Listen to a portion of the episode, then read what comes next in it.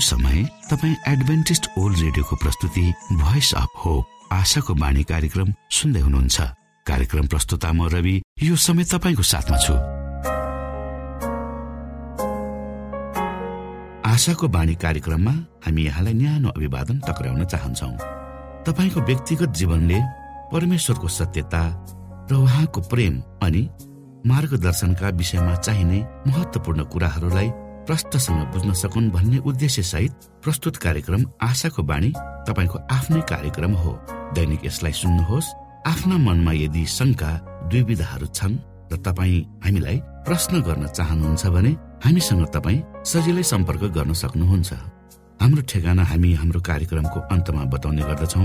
हाम्रो कार्यक्रममा सक्रिय रूपमा सहभागी भएर हाम्रो उत्साहलाई बढाउने समस्त श्रोतामा आज पनि तपाईँलाई चाहिने प्रकारको कार्यक्रम लिएर हामी उपस्थित भएका छौँ। श्रोताको चाहना र श्रोताको व्यक्तिगत जीवनका भलाइका कुराहरूलाई समेटेर प्रस्तुत गरिने यो कार्यक्रम आशाको बाणी तपाईँ सुन्दै आउनु भएको छ र आज पनि हामी त्यही क्रममा छौँ। सुरुमा सुनौ यो मधुर क्रिस्टीय भजन।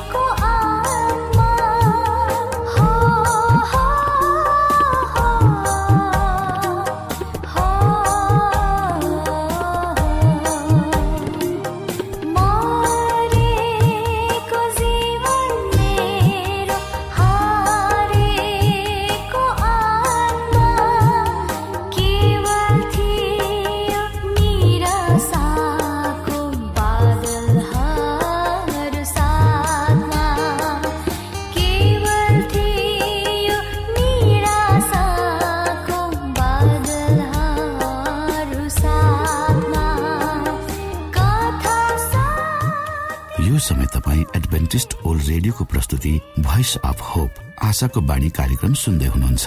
श्रोता मित्र यो समय हामी पास्टर उमेश पोखरेलबाट आजको बाइबल सन्देश सुन्नेछौ। श्रोता साथी म तपाईँको आफ्नै आफन्त। जब मैले आफन्त भन्छु त्यसले मलाई तपाईँहरूसँग म नजिक छु भन्ने मलाई अनुभूति दिलाउँछ। पास्टर उमेश पोखरेल। परमेश्वरको वचन लिएर तपाईँहरूको बीचमा पुनः उपस्थित भएको छु। आउनुहोस् तपाईँ हामी सँगसँगै परमेश्वरको उपस्थितिमा आफ्नो समयलाई बिताउ।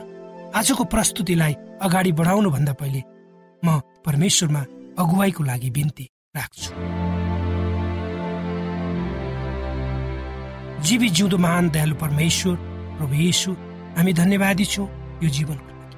यो जीवनमा दिनुभएका प्रशस्त आशिषहरूको लागि। प्रभु यो रेडियो कार्यक्रम तपाईँको खातिर तपाईँले चलाउनुहोस् भनेर हामी बिन्ती प्रार्थना गर्छौँ। यसबाट प्रभु तपाईँको राज्य महिमाको प्रचार सारा संसारभरि होस् र धेरै मान्छेहरूले तपाईँलाई चिन्न सकुन्। सबै बिन्ती प्रभु यीशुको नाम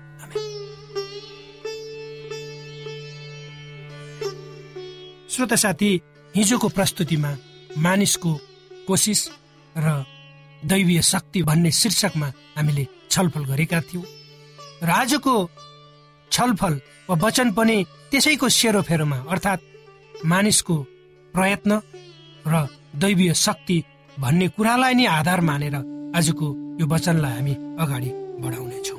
अर्थात् हिजो हामी भन्दै थियौँ यदि पवित्र आत्माको शक्तिको अगुवाई भएन भने तपाईँ हामीले गरेका सम्पूर्ण कोसिसहरू व्यर्थ हुन्छन् र कुनै पनि पापीले क्रिसलाई प्राप्त गर्न सक्दैन यो कुरो सत्य हो सत्य हो श्रोता।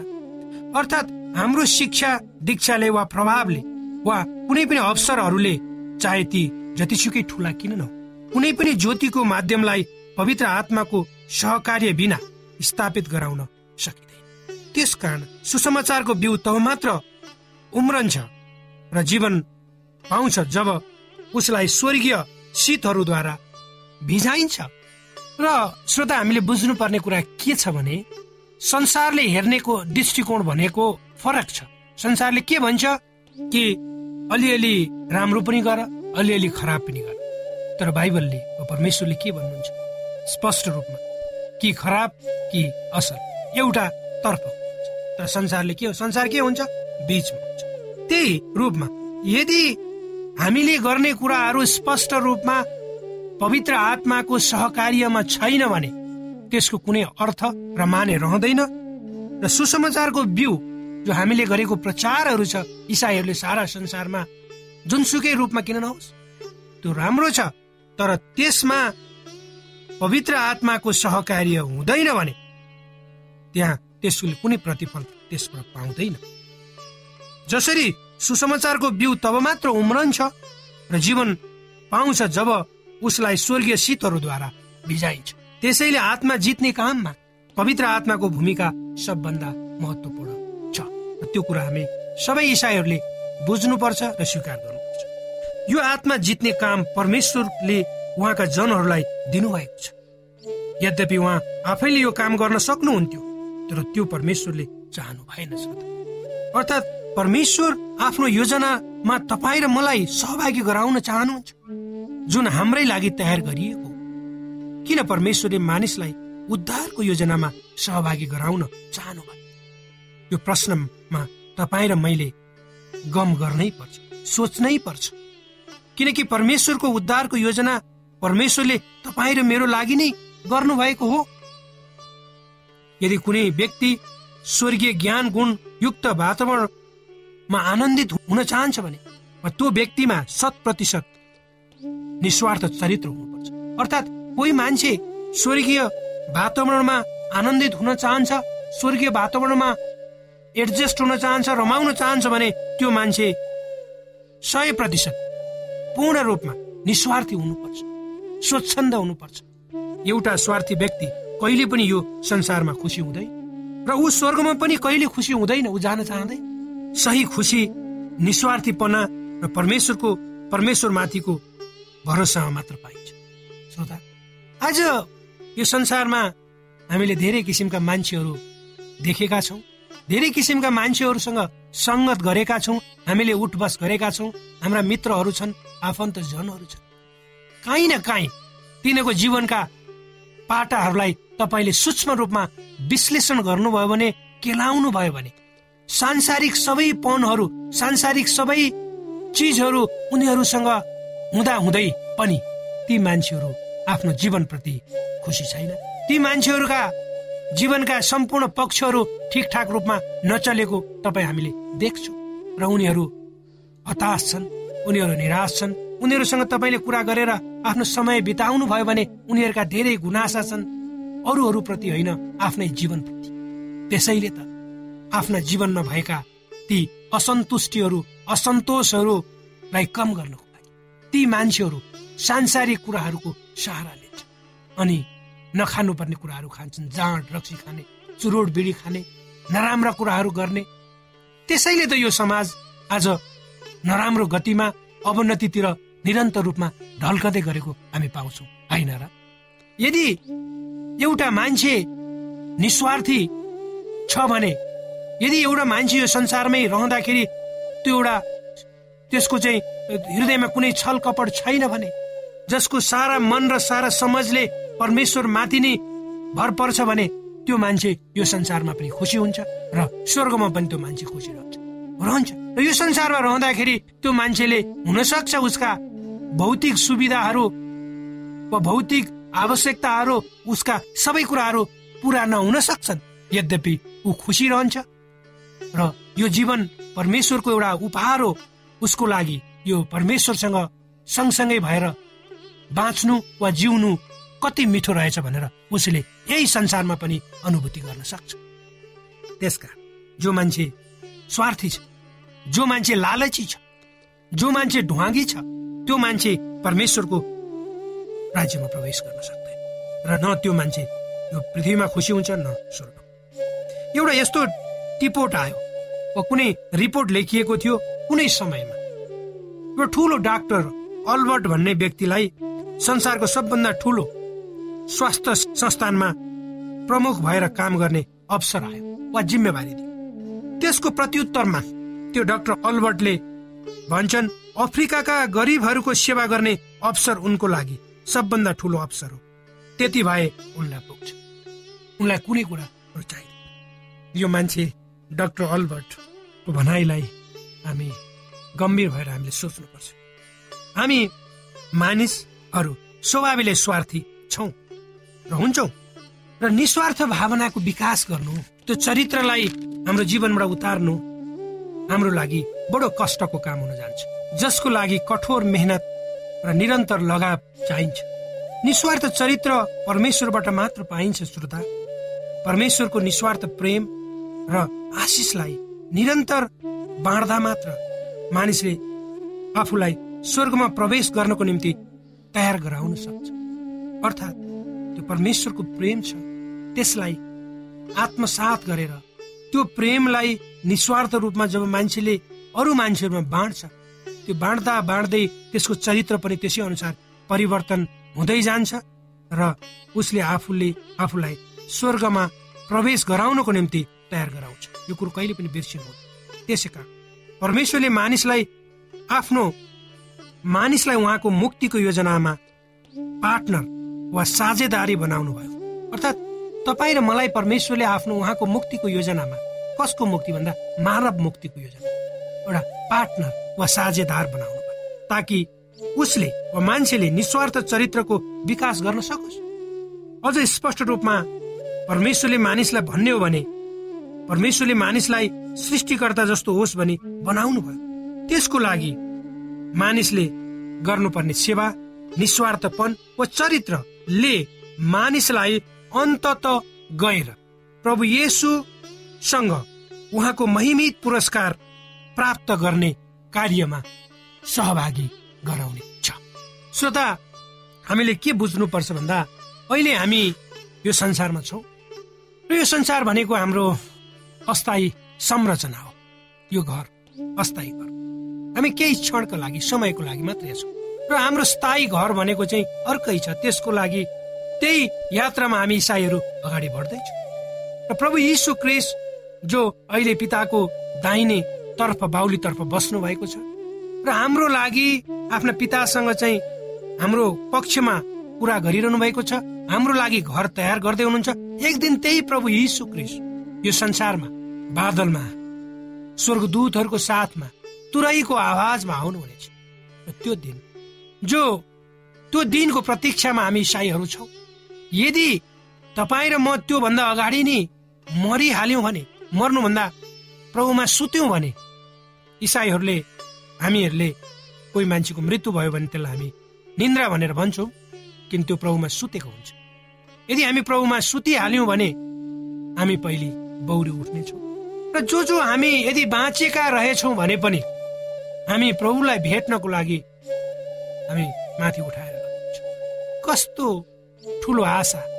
परमेश्वरले तपाईँ र मलाई दिनुभएको छ। कस्तो ठुलो आशा हामी इसाईहरूलाई परमेश्वरले देखाउनु भएको छ। र यो वास्तव र आज धेरै संसारमा धेरै मान्छेहरू छन् जो अन्धकारमा छन् र यो विषयमा नसुनेका छन्।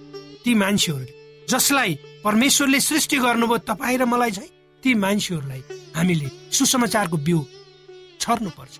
हामीले भन्नुपर्छ प्रभु यीशु क्रिस्टको प्रेम परमेश्वरले के गर्नुभयो हामी मानव जातिको लागि? र अहिले के गर्दै हुनुहुन्छ? ताकि सारा संसारका मान्छेहरू ती निराश भएका ती हताश भएका ती थिचिएका ती पिचिएका र जिन्दगीदेखि वाक्क र दिक्क भएर आफ्नो जिन्दगीलाई कति बेला सिद्ध्याउ भनेर पर्खेर बसेका मान्छेहरूलाई तपाईँ र मैले यी वचनहरू सुनाएर परमेश्वरको विषयमा सुनाएर उनीहरूलाई आशा उनीहरूको जीवनमा आशाको ज्योति वा दियो बाल्नुपर्छ। र त्यही कार्यमा परमेश्वरले तपाईँ र मलाई साझेदार हुनको लागि तपाईँ र मलाई पार्टनर बनाउनु भएको छ। र अब जिम्मेवारी त्यसलाई कुन रूपमा लिने त्यसको जिम्मेवारी भनेको तपाईँ हामीमा परमेश्वरले छ किनभने परमेश्वर करुणाको परमेश्वर हुनुहुन्छ। किनभने परमेश्वर दयावन्त परमेश्वर हुनुहुन्छ। परमेश्वरले कसैलाई जबरजस्ती गर्नु हुँदैन। त्यसका परमेश्वरको प्रेमलाई हामीले बुझ्नुपर्छ श्रोता। जब तपाईँ र मैले परमेश्वरको त्यो प्रेम र बलिदानलाई बुझ्छौ तब हाम्रो हृदय स्वत स्फूर्त रूपमा पग्लिन्छ। र परमेश्वरले भन्नुभएका गर्नुभएका कुराहरू हाम्रा जीवनका अभिन्न अङ्गहरू बन्छन् र हामी ती कुराहरूलाई बाँड्नको लागि जहिले पनि लालयतीत हुन्छौँ र तयारी हुन्छौँ। र त्यो क्रममा जब तपाईँ र मलाई पवित्र आत्माको शक्तिले तयार गर्नुहुन्छ जब हाम्रो हृदय तयार भएर परमेश्वरको विषयमा बाँड्नको लागि परमेश्वरको प्रेमको विषयमा व्याख्याको लागि तयार हुन्छ त्यति बेला हामीले गरेका कुराहरूमा हामी सफल हुन्छौँ। परमेश्वरले तपाईँलाई आशिष दिनुहोस् र परमेश्वरले तपाईँले आफ्नो जीवनको विषयमा बुझ्नको लागि। परमेश्वरको तपाईँको जीवनमा के योजना छ त्यो बुझ्नको लागि परमेश्वरले तपाईँलाई अगुवाई गर्नुहोस्। आमेन। यही मेरो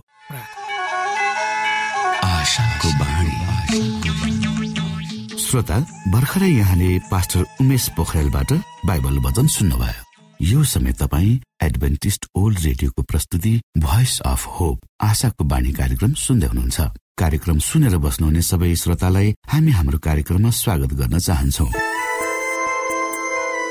श्रोता मित्र यदि तपाईँ जीवनदेखि हरेस खानु भएको छ तपाईँका जीवनमा धेरै अनुत्तरित प्रश्नहरू छन् भने आउनुहोस् हामी तपाईँलाई परमेश्वरको ज्योतिमा डोहोर्याउन चाहन्छौँ। तपाईँ आफ्नो जीवनका चिन्ता फिक्रीबाट निश्चिन्त हुनुहोस् र बाँच्नुको आनन्द परमेश्वरको सामिप्यमा कति मिठो हुन्छ त्यो चाख्नुहोस् भनी हामी चाहन्छौँ। श्रोता यदि तपाईँ आशाको बाणी कार्यक्रमलाई अनलाइन सुन्न चाहनुहुन्छ वा डाउनलोड गर्न चाहनुहुन्छ भने डब्लु डट डट ओआरजीमा जानुहोस्। त्यहाँ तपाईँले प्रत्येक दिनको कार्यक्रम सुन्न र डाउनलोड गर्न सक्नुहुनेछ। हाम्रो वेब पेज यस प्रकार छ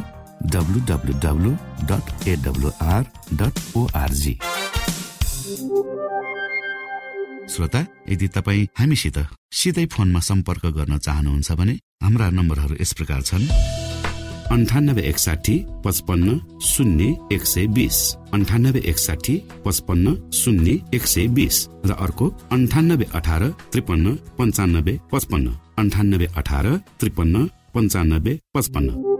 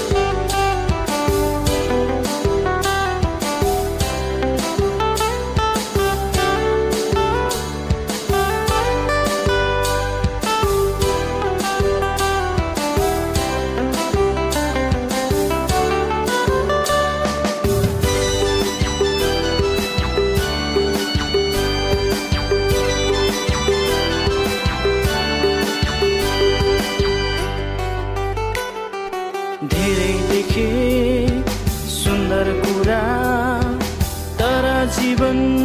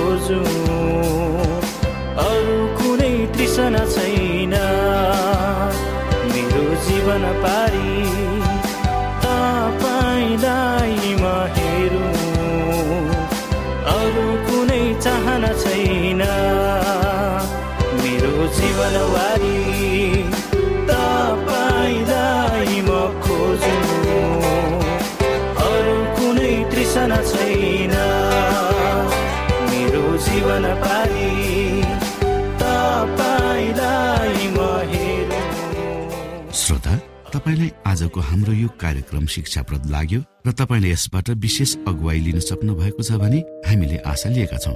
हामीसँग पत्राचार गर्ने हाम्रो ठेगाना यस प्रकार छ।